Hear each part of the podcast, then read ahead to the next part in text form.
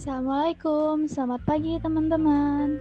Waalaikumsalam. Selamat pagi. Selamat pagi. Gimana nih kabar teman-teman semuanya? Alhamdulillah baik. Alhamdulillah, semoga teman-teman tetap baik-baik aja ya dan tetap sehat selalu. Amin. Karena kita tahu nih di masa-masa sekarang kesehatan itu harus benar-benar dijaga banget, ya nggak teman-teman? Bener Iya, banget, bener banget banget. ya. Iya, soalnya sekarang kan lagi pandemik banget ya soal COVID-19. Jadi kita nggak bisa lihat deh ada virus atau enggak di sekitar kita. Iya, bener banget. Benar-benar banget. Kalau ngomong soal COVID-19, gara-gara virus ini udah menyebar banget, jadi kita harus membuat PJJ nih sama pemerintah. Sampai akhirnya kita buat podcast ini deh. Oh iya, sebelum mulai, kayaknya lebih asik kalau kita kenalan diri dulu nih. Dimulai dari aku sendiri, namaku Tasya Sabila. Terus selanjutnya ada siapa lagi nih? Halo, aku Aini Nurahmawati. Halo, nama aku Ica Nurul Aktaviani. Halo, nama saya Vina Deviaki Irawan. Oke, jadi semua tuh kalian dari kelompok berapa sih dan mau bahas materi apa? Kita dari kelompok Lima.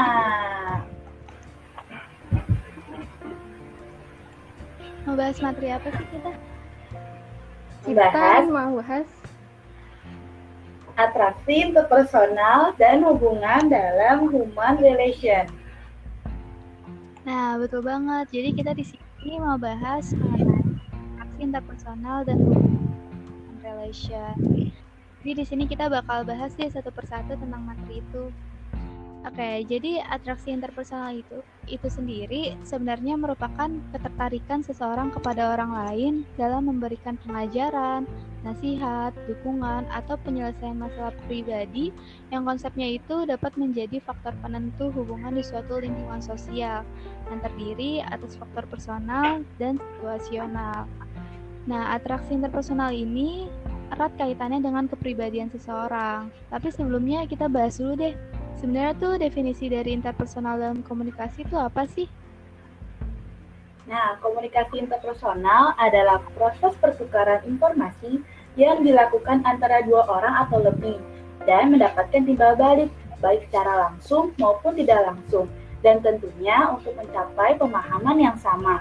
Komunikasi ini dilakukan secara tatap muka atau langsung. Selain itu, Griffin dan Moorhead menyatakan bahwa perilaku komunikasi interpersonal yang saling menguntungkan harus didasari oleh saling kenal atau saling mengetahui, lalu memiliki rasa saling hormat, lalu memiliki rasa memiliki, dan yang terakhir adalah rasa senang dan nyaman. Lalu, model komunikasi interpersonal ini ada tiga. Yang pertama, ada model SR atau model stimulus respon. Nah, model ini menunjukkan bahwa komunikasi itu sebagai proses aksi reaksi yang sangat sederhana. Pertukaran informasi ini bersifat timbal balik dan mempunyai banyak efek dan setiap efek dapat mengubah tindakan komunikasi. Lalu yang kedua ada model Aristoteles. Nah, inti dari komunikasi ini adalah persuasi, yaitu komunikasi yang terjadi jika pembicara menyampaikan informasi atau pesan kepada orang lain dalam mengubah sikap mereka. Dan yang terakhir ada model Shannon and Weaver, yaitu komunikasi tiap eh, rangsangan, tambahan, dan tidak dikehendaki yang dapat menghambat kelancaran komunikasi dan mengganggu kecermatan pesan yang disampaikan. Nah, itu dia definisi dan model-model dari interpersonal dalam komunikasi. Jadi, intinya tuh interpersonal dalam komunikasi menyatakan bahwa adanya perilaku yang saling menguntungkan dan harus didasari oleh saling mengenal satu sama lain. Nah, kita lanjut yuk ke prinsip-prinsip interpersonal. Coba ini apa aja sih, Ai, prinsip-prinsip dari interpersonal ini? Oke, jadi di sini saya akan menjelaskan mengenai prinsip-prinsip komunikasi interpersonal dan tujuan komunikasi interpersonal. Nah, apa saja sih prinsip-prinsip komunikasi interpersonal? Nah, Joseph De Vito pada tahun 2013 mengemukakan beberapa prinsip komunikasi interpersonal. Di antaranya yang pertama adalah komunikasi interpersonal merupakan proses transaksional.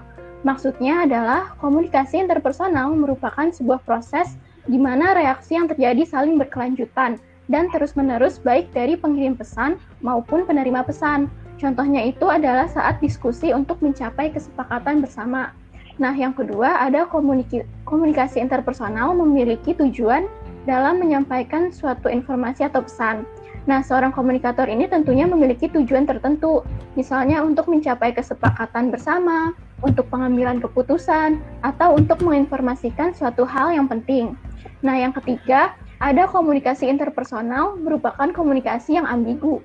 Komunikasi interpersonal dinyatakan ambigu karena per perspektif orang dalam mencerna sebuah pesan atau informasi bisa berbeda-beda.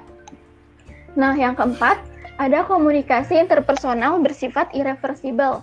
Maksudnya adalah komunikasi ini merupakan suatu bentuk komunikasi yang tidak dapat dihindari, diulang, serta tidak dapat diubah. Contohnya itu saat kita berbicara suatu hal yang menyinggung teman atau rekan bisnis kita. Kita tidak bisa memutar kembali waktu atau berpura-pura seakan-akan hal ini tidak pernah terjadi. Nah, perilaku baru yaitu permintaan maaf yang kita lakukan tidak dapat mengubah kenyataan bahwa sebelumnya kita pernah mengucapkan sesuatu hal yang menyinggung orang tersebut. Oleh karenanya, ketika berinteraksi, sebisa mungkin kita menyampaikan pesan dan mendengarkan dengan baik apa yang disampaikan oleh komunikan, sehingga komunikasi yang efektif dapat tercapai. Nah, selanjutnya itu ada tujuan dari komunikasi interpersonal. Muhammad Arni pada tahun 2005 mengemukakan enam tujuan komunikasi interpersonal. Yang pertama yaitu menemukan diri sendiri. Salah satu tujuan komunikasi interpersonal adalah menemukan personal atau pribadi. Bila kita terlibat dalam pertemuan interpersonal dengan orang lain, kita belajar banyak sekali tentang diri kita maupun orang lain. Komunikasi interpersonal memberikan kesempatan kepada kita untuk berbicara tentang apa yang kita sukai, apa kelebihan dan kelemahan kita, dan mengetahui lebih dalam mengenai pemikiran orang lain. Nah, yang kedua itu ada menemukan dunia luar. Banyak informasi yang kita ketahui datang dari komunikasi interpersonal. Meskipun banyak jumlah informasi yang datang kepada kita dari media massa, hal ini sering kali didiskusikan dan akhirnya dipelajari atau didalami melalui interaksi interpersonal. Nah, yang ketiga ada membentuk dan menjaga hubungan yang penuh arti. Komunikasi interpersonal dapat dilakukan untuk membentuk dan menjaga hubungan sosial dengan orang lain melalui pembicaraan yang menarik dengan orang-orang di sekitar kita. Lalu yang keempat ada mengubah sikap dan perilaku. Komunikasi interpersonal ini juga dapat mengubah sikap dan perilaku kita terhadap orang lain. Misalnya dengan kita mendengarkan pemikiran orang lain tentang suatu hal, hal tersebut dapat mengubah perspektif dan perilaku kita terhadap sesuatu. Nah, yang kelima, untuk bermain dan kesenangan berbicara dengan teman mengenai aktivitas kita pada waktu akhir pekan, berdiskusi mengenai olahraga, menceritakan cerita dan cerita lucu semacam itu dapat memberikan keseimbangan yang penting dalam pikiran yang memerlukan rileks dari semua keseriusan di lingkungan kita. Dan yang terakhir yaitu keenam untuk membantu. Ahli-ahli kejiwaan, ahli psikologi klinis, dan terapi menggunakan komunikasi interpersonal dalam kegiatan profesional mereka untuk membantu permasalahan dan menyembuhkan kliennya. Nah, segitu aja dari saya. Selanjutnya Tasya. Nah, jadi itu dia guys, prinsip-prinsip dari interpersonal dan tujuan dari interpersonal komunikasi. Selanjutnya, interpersonal ini tuh sebenarnya punya peran penting dalam kita berkomunikasi. Nah, Vina, apa aja sih peran penting interpersonal komunikasi? Nah, sekarang saya akan menjelaskan mengenai peran penting interpersonal komunikasi. Yang pertama itu, mendapatkan respon atau feedback. Seperti dalam perumpamaan bahwa di mana ada aksi, maka akan ada reaksi. Dalam komunikasi terdapat hukum bahwa jika ada pertanyaan, maka perlu ada jawaban. Jawaban itulah yang disebut respon. Misalnya, dalam suatu perusahaan pasti ada kegiatan diskusi atau rapat yang dapat menghasilkan sebuah kesepakatan dan keputusan. Nah, kesepakatan itu adalah respon atau jawaban yang diharapkan oleh atasan atau si komunikator. Yang kedua, berbagi pengetahuan dan pengalaman. Secara umum, fungsi dari komunikasi interpersonal salah satunya adalah untuk menyampaikan pengetahuan atau informasi. Komunikator menyebarluaskan informasi agar dapat diketahui oleh penerima informasi. Fungsi utama dari informasi adalah menyampaikan pesan atau informasi atau menyebarkan informasi kepada orang lain. Begitu pula dalam perusahaan, misalnya seorang karyawan ketika mendapat tugas untuk bekerja sama dengan perusahaan lain pasti akan memulai dengan tahapan-tahapan. Tahapan tersebut di antaranya menyampaikan informasi tentang bagaimana keadaan perusahaan, citra perusahaan, dan lain sebagainya. Yang ketiga, mengubah sikap dan perilaku. Adapun peran dan fungsi komunikasi yang dilakukan oleh karyawan yaitu mengubah sikap dan perilaku. Ketika komunikan menerima pesan, komunikan telah mendapat pengaruh dari proses komunikasi. Karyawan dengan sikap positif dan kemampuan berkomunikasi seperti kesabaran, sopan, ramah, cepat tanggap, penuh perhatian, serta jujur, kemungkinan besar komunikan akan mengalah dan merubah sikap untuk mengikuti keinginan komunikator. Dan yang keempat, membentuk dan menjaga hubungan baik antar individu. Apabila dikaitkan dengan perusahaan, dengan adanya hubungan dan komunikasi interpersonal yang dilakukan oleh karyawan, akan terjadi hubungan yang harmonis di dalam perusahaan. Hal ini dapat dilakukan tidak hanya ketika melakukan kerjasama secara formal, tetapi obrolan atau diskusi, sharing, dan saling bertukar pikiran juga dapat membangun hubungan interpersonal antar karyawan. Yang kelima, mengurangi ketidakpastian terhadap sesuatu. Seseorang yang mengalami ketidakpastian ketidakpastian cenderung memiliki definisi yang tidak akurat terhadap sesuatu hal yang baru, diketahui atau dikenal.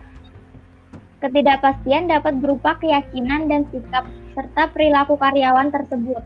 Seperti pada ciri komunikasi interpersonal, bahwa peserta komunikasi berada pada jarak yang dekat, kemudian pesan dikirim dan diterima secara simultan dan spontan.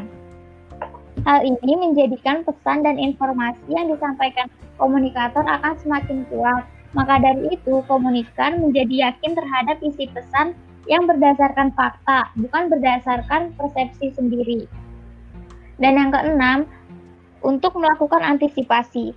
Komunikasi interpersonal biasanya mempertemukan pelaku komunikasi secara bertatap muka.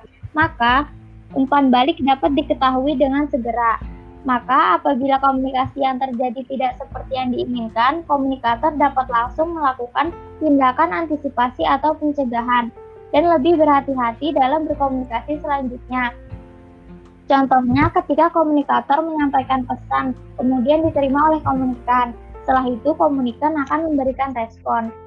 Misalnya, ekspresi wajah yang sedikit berbeda. Mengetahui respon yang diberikan oleh komunikan, maka komunikator sebaiknya hati-hati dalam menyampaikan pesan, gaya bicara, dan hati-hati dengan topik yang dibicarakan. Lalu, saya akan menjelaskan mengenai hubungan komunikasi interpersonal dalam human relation. Komunikasi interpersonal meliputi komunikasi berdasarkan perilaku spontan, perilaku menurut kebiasaan, perilaku menurut kesadaran, atau kombinasi oleh ketiganya. Komunikasi interpersonal merupakan komunikasi yang memungkinkan terjadinya timbal balik. Dalam komunikasi ini terjadi interaksi di antara pengirim dan penerima pesan. Nah, dengan adanya komunikasi interpersonal ini dapat menjadi sarana untuk membicarakan diri kita sendiri, sehingga melakukan komunikasi interpersonal interpersonal, kita belajar tentang bagaimana dan sejauh mana kita harus membuka diri pada orang lain. Membuka membuat kita mengetahui nilai, sikap, perilaku orang lain dan dapat terjalin suatu hubungan sehingga kita dapat memberi tanggapan secara tepat terhadap tindakan orang lain.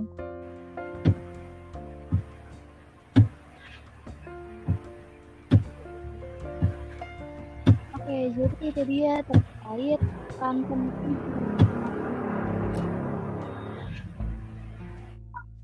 hubungan interpersonal yang baik itu pastinya dimulai dari komunikasi yang baik. Tapi banyak orang yang belum dapat berkomunikasi dengan baik dan efektif. Keterampilan komunikasi yang kurang baik ini dapat merusak suatu hubungan. Ada juga nih beberapa orang yang susah buat berkomunikasi satu sama lain dengan orang lain karena nggak bisa bergaul dan dia itu nggak percaya diri. Ada beberapa upaya nih guys yang bisa kita lakuin buat meningkatkan hubungan interpersonal. Pertama, kita harus berlatih memahami kultur komunikan. Kultur komunikan akan mempengaruhi persepsi orang-orang terhadap gaya bahasa yang kita pilih, intonasi kita gunakan, dan lain sebagainya. Contohnya, kalau kita lagi berbicara sama atasan di dalam perusahaan, kita nggak tinggi atau gaya bahasa nggak formal tapi bakal dilihat kita itu. Jadi kita harus lihat juga lawan bicara kita nah yang kedua kita harus mempelajari nih berbagai teknik komunikasi interpersonal. Teknik-teknik ini bisa kita dapetin di berbagai tempat seperti melalui buku website dan berbagai macam sumber daya lainnya yang bisa kita gunakan untuk belajar komunikasi yang ketiga, kita harus melatih diri kita nih untuk melakukan komunikasi interpersonal dengan rutin. Sehingga keahlian komunikasi interpersonal yang kita miliki akan senantiasa terarah dan bisa berkembang menjadi lebih baik dan lebih baik lagi.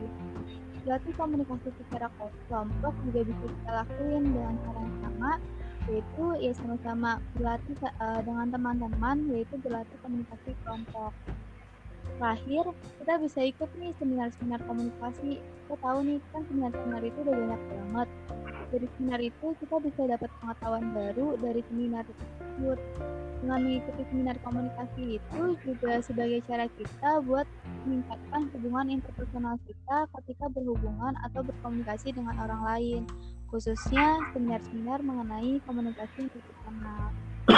Nah jadi itu dia guys. Uh, beberapa ya untuk meningkatkan interpersonal komunikasi. Dan sebelumnya juga kita udah bahas banget, udah bahas banyak banget nih mengenai atraksi interpersonal dan hubungan dalam human relation. Semoga teman-teman yang lagi dengerin obrolan kita jadi paham ya. Amin. Semoga kalian paham ya. Amin. Semoga paham ya teman-teman. Semoga bermanfaat ya teman-teman. Ya, amin kami. Kalau teman-teman ada yang ingin ditanyain, boleh banget tanya di kolom diskusi nanti ya. Sekian dari kami. Assalamualaikum warahmatullahi wabarakatuh. Dadah. Dadah.